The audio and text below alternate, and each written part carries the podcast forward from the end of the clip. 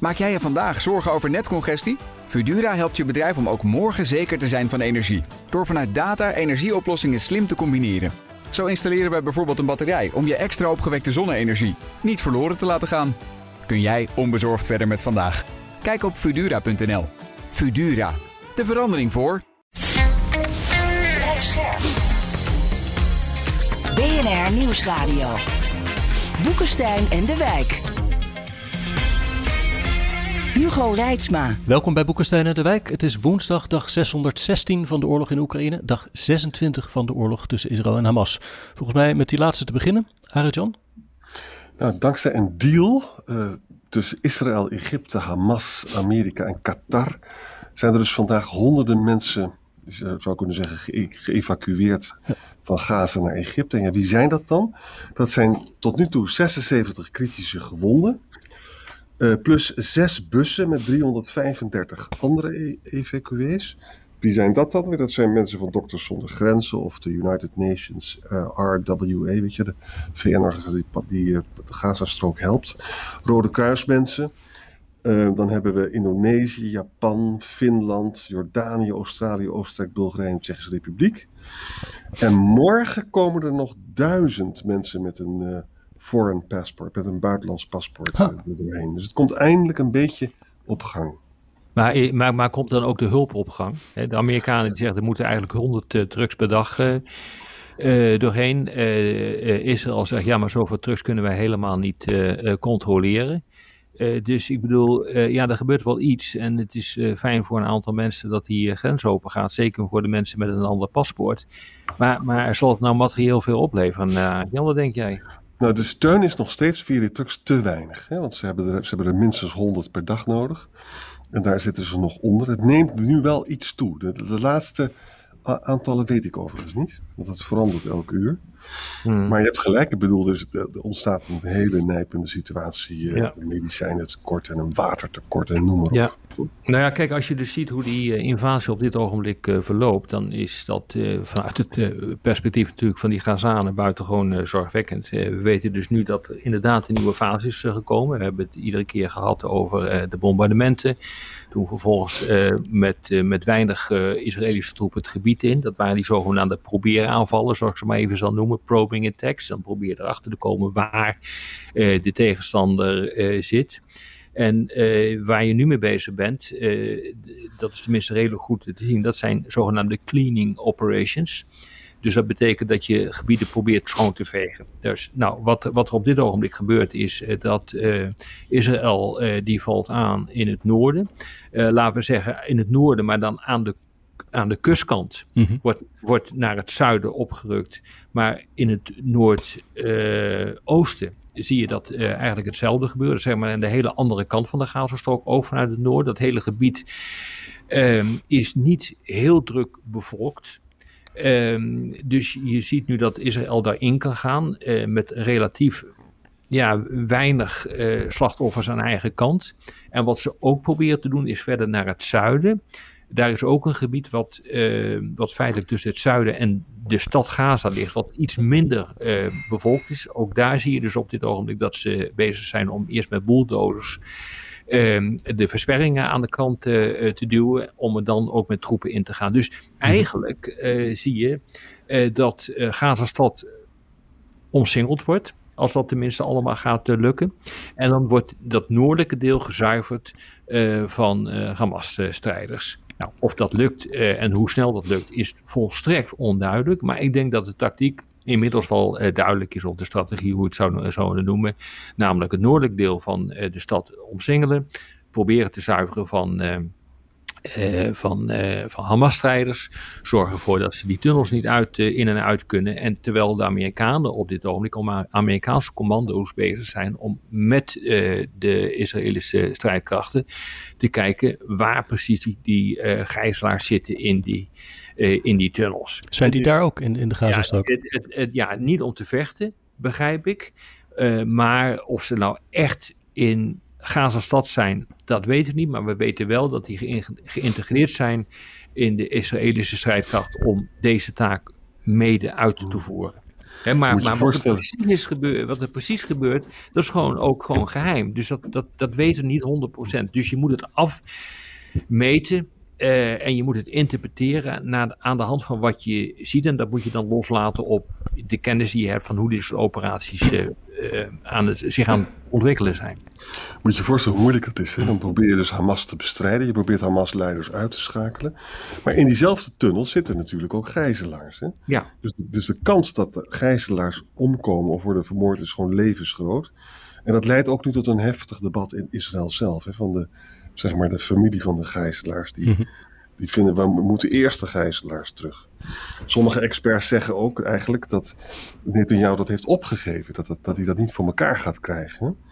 En uh, nou, we zullen zien hoe het gaat. Maar het is natuurlijk een vrij onmogelijke opdracht heb je helemaal gelijk in. Het terughalen van gijzelaars is niet een militair project, maar is een politiek proces in mijn uh, optiek. Dat zou je kunnen zien in de verlenging, in het verlengde van de deal die is gemaakt, waar onder andere Qatar een uh, rol in speelt. Ja, Qatar, omdat daar het hoofdkwartier is uh, van Hamas. Met instemming van de Amerikanen gevestigd.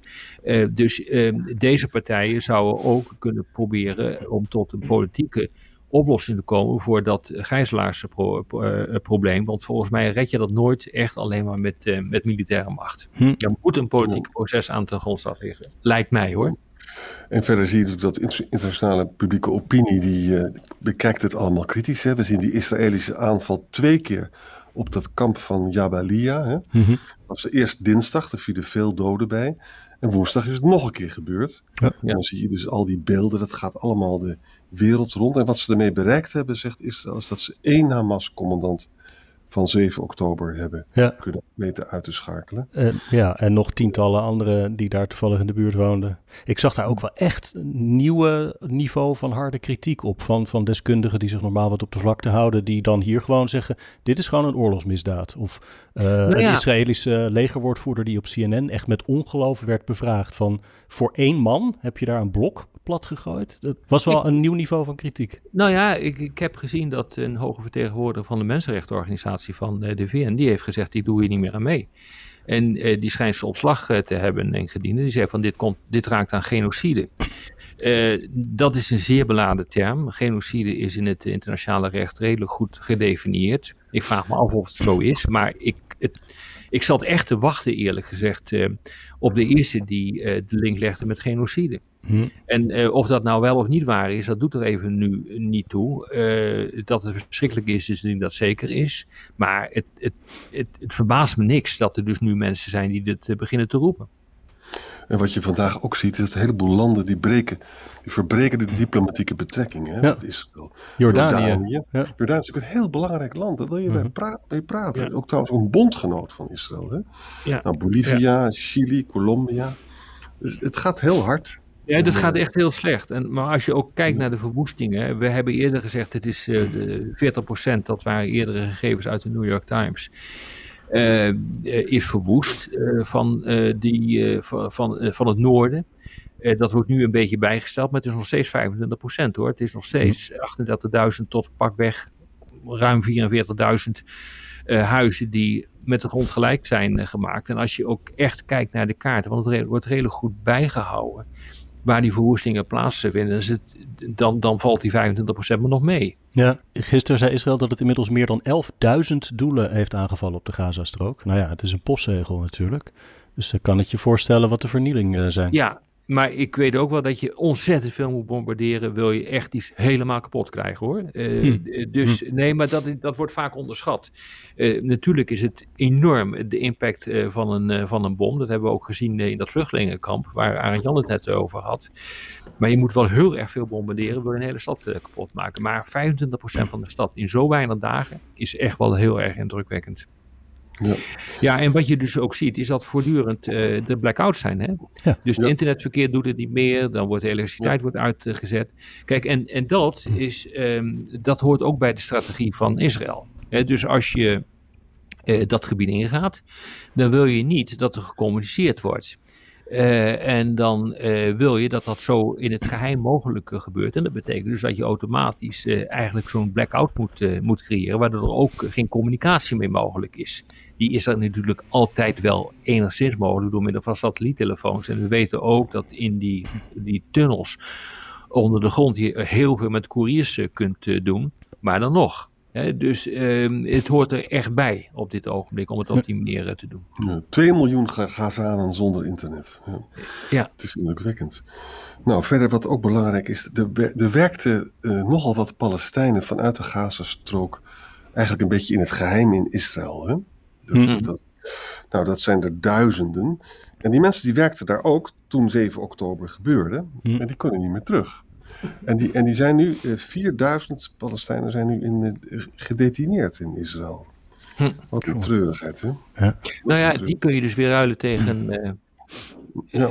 tegen gijzelaars. dus ja. gegijzelden. Um, hm. Ja, zo wordt het spel denk ik wel gespeeld. Uiteindelijk zal er gewoon een uitruil plaatsvinden. Op een of andere manier. Van wat ja, de, aan de ene kant natuurlijk de mensen die gegijzeld zijn. Aan de andere kant, nou ja, dat moet dan worden uitonderhandeld wat dan die uitruil wordt. Hopelijk, ja. Denk je, zie je daar nog uh, tussen al dit geweld mogelijkheden toe? Tot zo'n het zou wel moeten. Op een gegeven moment moet je gewoon uh, tot een uh, politiek proces zien te komen. je hebt gewoon geen keus. Ik bedoel, uiteindelijk, elke oorlog eindigt met een politiek proces. Ik bedoel, een, zelfs een oorlog is een politiek proces. Hè? Volgens hm. Clausewitz, honderden jaren geleden, heeft al geroepen: oorlog is politiek met andere, andere middelen. En dat is natuurlijk ook gewoon zo. Het, het, de grote vraag is hoe dat politieke proces nu verder gaat en wat voor politiek proces erachter zit. En dat heeft te maken natuurlijk met wat wil eigenlijk Hezbollah. En wat wil, een, ehm, eh, wat wil Iran in deze? Nou, wat, wat we heel goed in de gaten moeten houden, is 3 november. Ja. Uh, komt er een speech van een Hezbollah-leider in, uh, in uh, Libanon. Van Nasrallah, de, de baas. exact, ja. exact. En dat wordt wel spannend wat die gaat zeggen. Ja. Het kan op allerlei manieren fout gaan. Hè? Ik bedoel, uh, er is een Hamas-leider geweest, eentje, een paar dagen geleden, die, die wilde graag een gevangenenruil opzetten. Maar ja, als, als er geen uh, eenheid van leiderschap is, ook in de kringen van Hamas, en daar lijkt het ook een beetje op, en het is een totale puinhoop, dan kan dat dus allemaal misgaan.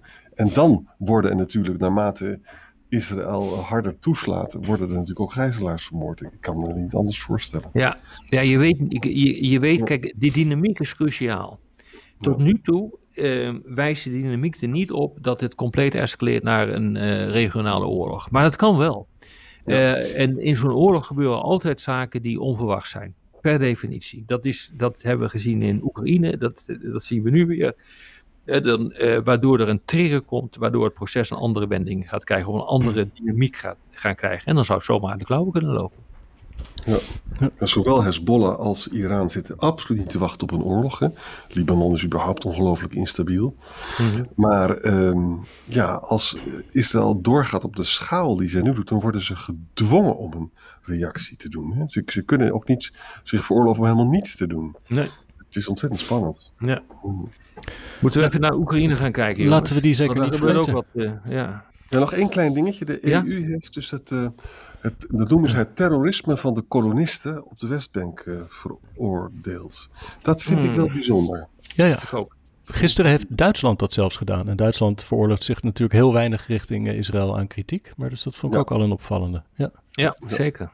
Nou, Oekraïne. De laatste 24 uur hè, zijn er dus Russische uh, bommen en granaten op meer dan 100 settlements, meer dan 100 steden en dorpen. Zo. In 10 regio's. Vooral in het oosten. Waar dat dan precies allemaal valt, het is gewoon allemaal geheim. Maar het is dus heel ernstig. Uh, 18 van de 20 Shahed-drones zijn neergehaald, zeggen de Oekraïners. Eén raket ook. Er is ook een aanval geweest op Gerson. één dode, twee gewonden. En ook op Nikopol. Dus het is weer, uh, het neemt toe. Hè? Ja, terwijl het een tijd heel rustig was eigenlijk, hè, wat betreft luchtaanval. Een droneaanval op een olieraffinaderij en een krachtcentrale in Kremenchuk. 500 consumenten zonder stroom. Dus het is, uh, het is weer bal, om het zo maar te zeggen. Ja, ja je moet echt, uh, over bal gesproken, uh, dan moet je echt naar uh, Avdivka kijken. Hm. Wat er op dit ogenblik gebeurt. Um, de, kijk, Avdivka, als je naar de kaart kijkt, dan uh, ligt dat eigenlijk in een soort uh, een hap uit het veroverde gebied. Mhm. Ehm, eh, dus daar zit, eh, dat is een, dat is een, eh, ja, een, een, een, gang, om het maar zo te zeggen, van, eh, een, van, van pakweg 5 bij 20 kilometer schat ik ongeveer, van eh, Oekraïne in het bezette gebied. En Ja, dat vlakbij Donetsk, hè? Ja, Dus exact. Dat ligt boven zuidelijke, Donetsk. Zuidelijke Donbass, zeg maar. Exact, ja. Ja, dus eh, wat je nu ziet is dat ehm, de Russen proberen om dat gebied te bezetten. Doet heel sterk denken aan wat ze gedaan hebben bij, eh, bij Bakhmut. Eh, dat was ook geografisch bijna, nou niet helemaal, maar een soort van vergelijkbare situatie. Dus je probeert eigenlijk die grens daar recht eh, te trekken. En je probeert die, die incursie van, van Oekraïne eruit te halen. Dat doen ze op dit ogenblik. Dus vanuit het bezet gebied, vanuit het noordoosten en vanuit het zuidwesten rukken ze op. En daarmee kun je dus inderdaad dat, eh, die stad in de tang nemen. En dan heb je, als je dat voor elkaar krijgt, dan heb je weer een stukje Donbass erbij. Want daar komt het feitelijk wel op neer. Ehm, nou, we hebben al eerder gezegd dat de wijze waarop dat eh, wordt gedaan is echt verschrikkelijk. Het eh, begint weer dezelfde gehaktmolen te worden als bij Bakhmut. Weer met golven soldaten die daar een gewisse dood in worden gezonden. Eh, ja, het, het, het zou heel goed kunnen zijn hoor, dat, eh, dat Rusland dit toch redt.